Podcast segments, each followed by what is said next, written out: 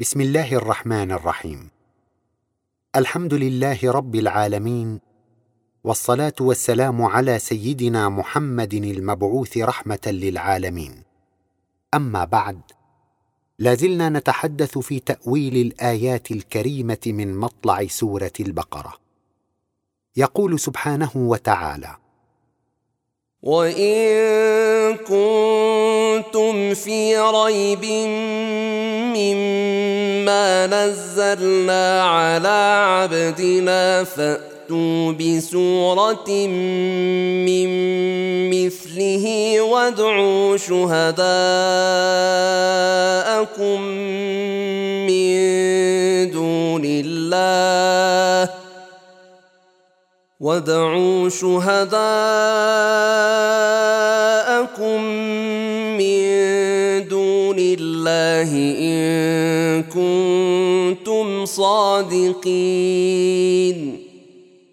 فإن لم تفعلوا ولن تفعلوا فاتقوا النار التي وقودها الناس والحجارة أعدت للكافرين. بعد أن عرفنا سبحانه وتعالى في الآيات التي سبقت هذه الآية الكريمة بذاته العلية وأنه تعالى هو الخالق المربي المسير. أراد تعالى أن يثبت لنا أن هذا البيان الذي جاءنا به سيدنا محمد صلى الله عليه وسلم إنما هو كلام الله تعالى وبيانه. أنزله على رسوله ليبلغنا إياه. ولذلك قال تعالى وان كنتم في ريب مما نزلنا على عبدنا. والريب هو كما رأينا في مطلع هذه السورة الخروج. وهو هنا يعني الخروج عن دائرة التصديق برسالة النبي صلى الله عليه وسلم إلى دائرة الشك وعدم التصديق. والعبد هو الشخص المؤتمر بأمر خالقه المستمر على طاعته فلا يخالفه في أمر من أوامره. والمعني به هنا رسول الله صلى الله عليه وسلم. فهو عبد الله الطائع له في جميع أوامره. فإن كنت تشك في رسالته وقلت أنا آمنت بالله فقط فأت بآية مماثلة أو سورة. قال تعالى فأتوا بسورة من مثله وادعوا شهداءكم وادعوا شهداءكم من دون الله ان كنتم صادقين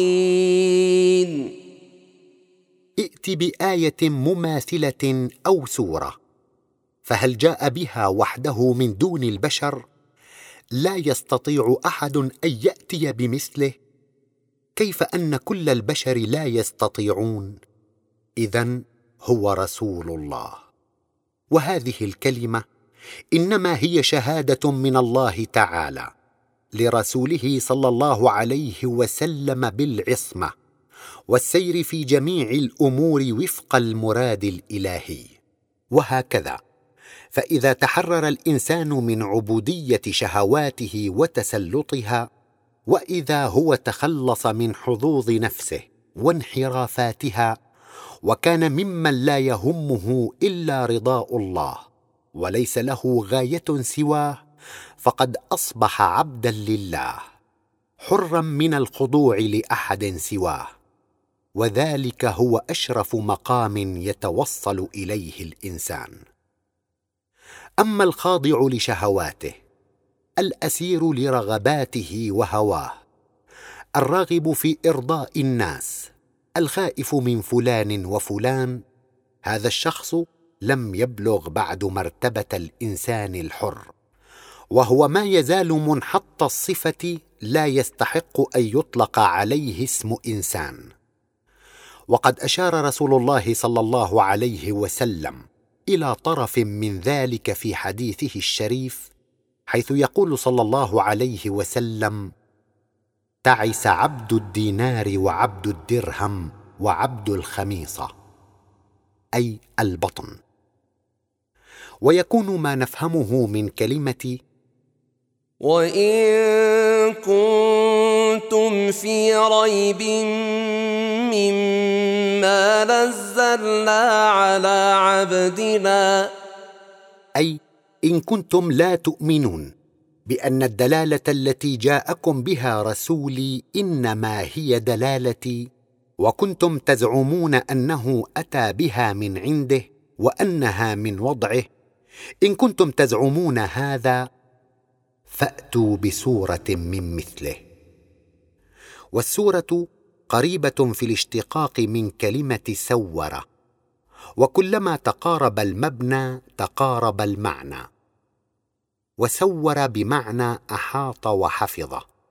تقول سور الحديقه ومنه كلمة السور وهو الحائط يبنى حول المدينة فيكون في متانته وترابط أجزائه مانعا من تسلط العدو ودخوله حافظا لأهلها من المكاره.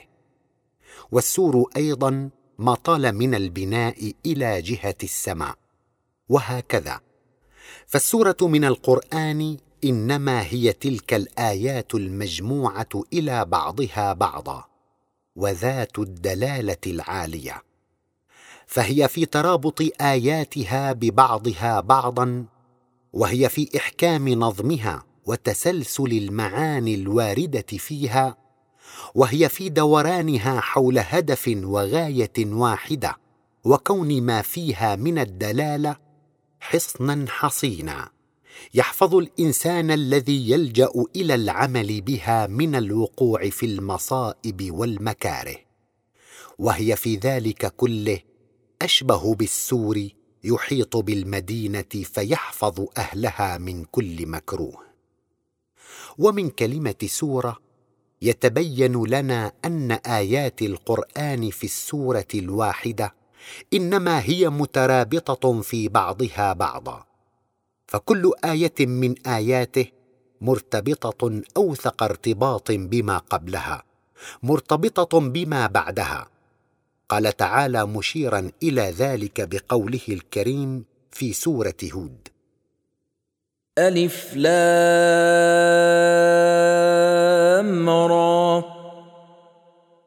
كتاب أحكمت آياته ثم فصلت من لدن حكيم خبير.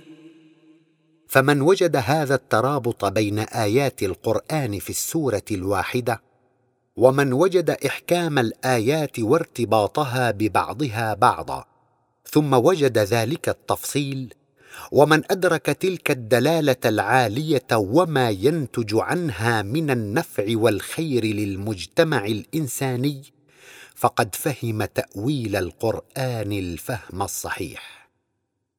أما الذي لا يدرك من ذلك شيئا فهو بعيد عن الفهم الصحيح وتأويله لا يعتمد عليه بوجه من الوجوه. ولا نكون مغالين إذا قلنا أن الذي يفسر القرآن ذلك التفسير المتقطع فلا يبين المراد الإلهي فيما ورد من الآيات المتشابهة إنما هو غير قريب من الله. وتوضيحا لهذه النقطة نسوق المثال الآتي فنقول إذا كنت أسمع حديثا من شخص من الأشخاص وكنت قريبا من المتكلم ذلك القرب المعنوي فإني أفهم ذلك الحديث كله وأرى الترابط بين فقرات حديثه فقرة بفقرة دون أدنى انفصال حتى أن القصص التي يتضمنها حديثه إنما وردت من تأييد الفكرة العامة أو لتكون مثالا تفصيليا على ما ورد فيه. والحديث كله إنما هو وحدة متصلة يهدف من ورائه إلى غاية معينة هادفة. أما إذا كنت بعيدا عن المتكلم غير قريب منه ذلك القرب المعنوي فقد أجد حديثه متقطع الأجزاء. أفهم كلمة ولا أفهم التالية. وقد أدرك قصة ولا أعرف مدى ارتباطها بحديثه ولا أجد حديثه مترابطا. كما لا أدرك الغاية التي حملته بسوق ذلك الحديث كله. فالطفل الصغير إذا هو سمع محاضرة لأحد كبار العلماء لا يفهم منها إلا بعض كلمات متقطعة. وقد يحفظ بعض القصص ولا يعرف مدى ارتباط القصة بالحديث. وهكذا. فكل سورة من سور القرآن الكريم. إنما هي حديث متصل يحدثك به خالقك ويبدأه بمقدمة. ثم يفصل لك الحديث ويورد لك بعض القصص أحيانا تاييدا لما ورد من معان ودلالة. ثم يختم لك الحديث الذي بدأه بخاتمة مناسبة للسورة.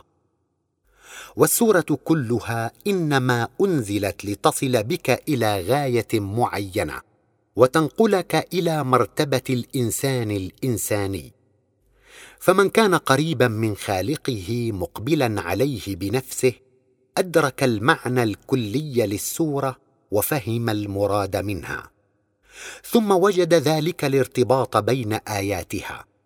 ومن لم يكن له ذلك القرب والإقبال لم يدرك من هذا شيئا. قال تعالى في سورة فصلت مشيرا إلى هذه الناحية بقوله الكريم ولو جعلناه قرانا اعجميا لقالوا لولا فصلت آياته أأعجمي وعربي قل هو للذين آمنوا هدى وشفاء والذين لا يؤمنون في آذانهم وقر وهو عليهم عمى أولئك ينادون من مكان بعيد. وتطبيقا على هذه النقاط التي أشرنا إليها من حيث كون السورة تدور كلها حول هدف واحد وغاية معينة ومن حيث ترابط مقاطعها وآياتها ببعضها بعضا دون أدنى انفصام ثم من حيث كونها حصنا حصينا وسورا مانعة تحفظ الذي يطبق آياتها من الوقوع في المهالك وتسمو به إلى أعلى منازل الإيمان والكمال. نستطيع أن نستشهد بالسورة التالية وهي سورة صاد. مثالا على ما ذكرناه. وكل سور القرآن على هذا المنوال. فنقول أما الهدف الذي تدور حوله هذه السورة الكريمة فإنما هو تثبيت فؤاد رسول الله صلى الله عليه وسلم وتقوية عزيمته وصبره تجاه ما يلقاه من معارضة المشركين ومعانداتهم. والغاية إنما هي الوصول إلى هداية الإنسان الجاهل المعرض بمقابلة معارضته بالصبر الجميل من الرسول المرشد صلى الله عليه وسلم. فلعل هذا الإنسان يصحو من بعد غفوة ويستيقظ من بعد سبات فيرى عناية ربه به وعطفه عليه.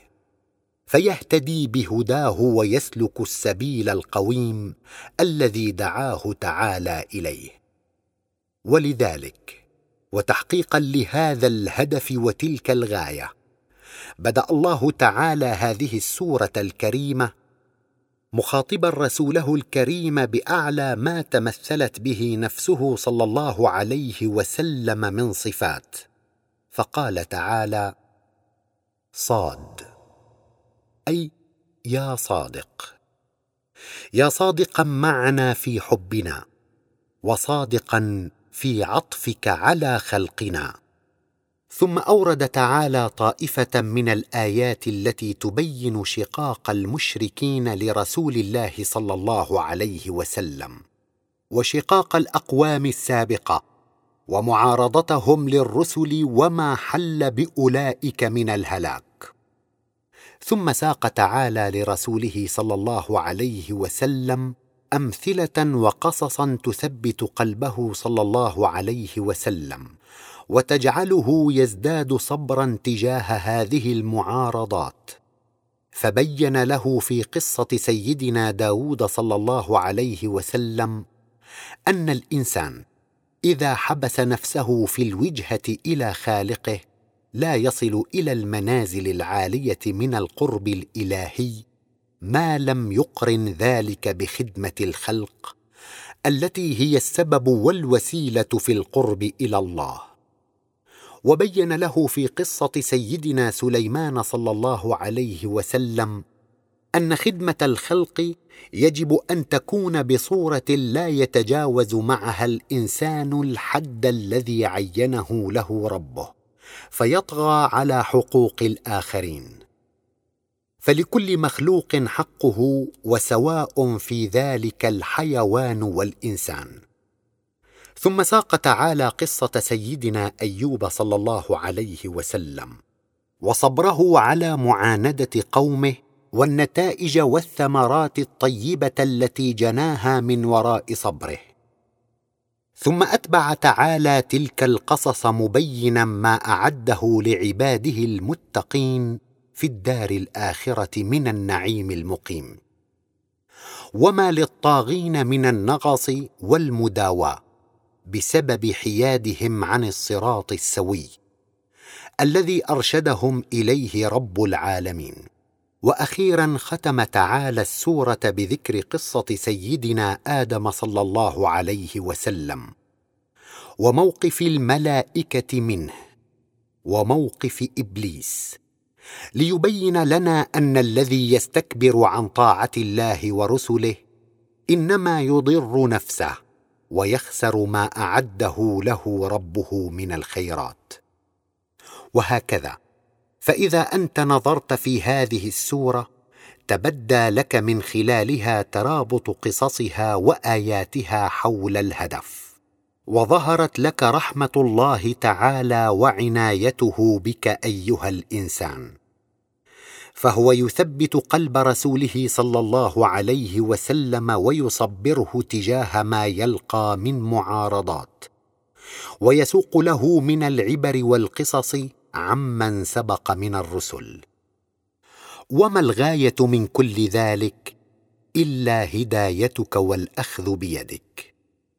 فإن أنت فكرت قليلا في هذه السورة وإذا أنت قدرت العناية الإلهية ثم أصغيت إلى ما جاءك به الرسول من الهدى عن لسان ربك دخلت في ذلك الحصن الحصين وكانت هذه السورة سورا مانعا يحفظك من الوقوع في المهالك. وكانت أيضا سببا في بلوغك منازل الكمال الإنساني. بمعية رسله الكرام الهداة المهديين الذي خلقت لأن تتوصل إليه. فتكون حقيقا بما أعده لك ربك في الآخرة من الجنات وما هياه لك من النعيم المقيم. ذلك كله ما نفهمه من كلمه سوره. فهي سور يحفظك من المكاره. وهي سوره تسمو بك فتجعلك تتسور. اي تعلو منازل الكمال. وقد خاطب تعالى المعارضين بقوله الكريم. وإن كنتم في ريب مما نزلنا على عبدنا فأتوا بسورة من مثله. أي فأتوا بسورة من مثل سور هذا القرآن الكريم التي تحفظ السائر ضمن دلالتها من الهلاك كما تسمو به وتجعله يتسور. أي يعلو إلى أرفع مدارج الكمال الإنساني. وادعوا شهداءكم. أي الذين يشهدون معكم هذه الشهادة فيدعون أن هذا القرآن من وضع الرسول وليس من عند الله. ادعوهم لمشاركتكم ومعونتكم للإتيان بسورة من مثل هذه السور. نعم ائتوا بسورة من مثله من وضعكم واختراعكم. لا من قانون وكتاب إلهي سابق. وذلك ما أشارت إليه كلمة من دون الله. أي ليكن ما تأتون به من عندكم ومن غير بيان الله ودلالته. إن كنتم صادقين. أي إن كنتم صادقين في ادعائكم وافترائكم. أن محمدا صلى الله عليه وسلم جاء بهذا من عنده وأنه هو الذي وضعه ورتبه هذا الترتيب. وهكذا فإذا كان البشر جميعا متعاونين لا يستطيعون أن يأتوا بسورة واحدة من مثل هذه السور القرآنية الكريمة فهذا دليل واضح على أن هذا القرآن الكريم إنما هو كلام الله تعالى أنزله على رسوله ليبلغه لعباده وليس كلام بشر. وهذا دليل على أن الذي جاء به سيدنا محمد صلى الله عليه وسلم الذي هو عبد الله ورسوله إنما جاء بالهدى ودين الحق ليظهره على الدين كله. وإذا كان علماء القانون الآن يجتمعون ويتضامنون لوضع قانون واحد يضمن السعادة في ناحية من نواحي الحياة فلا تمضي مدة وجيزة على وضع هذا القانون حتى تظهر فيه العيوب والنقائص ويحتاج إلى ذيول وحواشي وإضافات وتحفظات. ثم لا يمضي عليه حين من الدهر حتى لا يعود صالحا للتطبيق. فما بالك بهذا القانون والذي جاء به رسول الله صلى الله عليه وسلم ضامنا لجميع نواحي الحياة جامعا البشر جميعا تحت لواء إنساني واحد متساميا بالإنسان إلى أعلى مراتب الإنسان الكامل. ضامنا له السعادة المادية والنفسية المعنوية متكفلا له بسعادة الدنيا والآخرة حيث تعود النفس إلى فطرتها ووجدانها الصحيح فترى سمو ما قامت به وتكون فخورة بين يدي ربها بما قدمته من صالح العمل. أليس ذلك دليلا واضحا على أنه كلام الله جل وعلا؟ وأن هذا الرجل الذي جاء به إنما هو رسول الله صلى الله عليه وسلم إنه لا شك في ذلك ولا ريب. وما على الإنسان الذي يريد السعادة لنفسه إلا اتباعه والإذعان إليه. وذلك ما أشارت إليه الآية الكريمة في قوله تعالى فان لم تفعلوا ولن تفعلوا. وهذا تحد لكل البشر. فاتقوا النار التي وقودها الناس والحجاره. من قلبه كالحجر. اعدت للكافرين. الكافر من لا يوقن بآيات الله إذ نكر فضل الله نعم الله. الله أقرب إليك من حبل الوريد أقرب إليك من نفسك. من المدبر لهذا الكون؟ من المسير؟ ألا تفكر؟ والفرق بين كلمه فإن لم تفعلوا وكلمه ولن تفعلوا واضح ظاهر. فكلمة فإن لم تفعلوا إنما تفيد العجز الآني. أما كلمة ولن تفعلوا فإنما تفيد بنسبة العجز على الاستمرار. تقول لم يستطع فلان حمل هذا الحجر الآن. وهو بسبب الشلل الذي أصاب يده لن يستطيع أن يحمله مهما تطاولت به الأيام. والله تعالى إنما يبين للبشر بهذه الآية الكريمة عجزهم الاني واستمرار هذا العجز مهما أتت عليهم العصور وتقدمت بهم الأعوام والأحقاب. وقد أورد تعالى هذا المعنى في هذه الآية الكريمة إثارة لتفكير هذا الإنسان الضال رحمة منه تعالى به وعطفا عليه فلعله يفكر.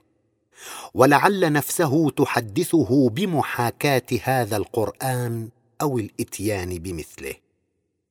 فإذا هو فكر في هذا النظام الإنساني ونظر فيما جاء به من الدلالة العالية ووجد أنه لا يستطيع أن يأتي ولا يمكن لأحد أن يأتي بمثله.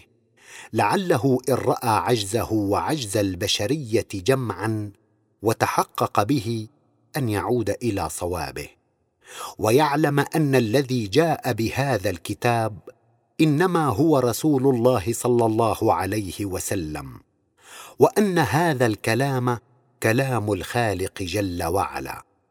وهو والحالة هذه جدير بالاتباع وأن الذي يحيد عنه مصيره إلى النار. ذلك ما توحيه إلينا كلمة فإن لم تفعلوا ولن تفعلوا فاتقوا النار. وصلنا إلى ختام حلقتنا لهذا اليوم. نستودعكم الله على أمل اللقاء بكم.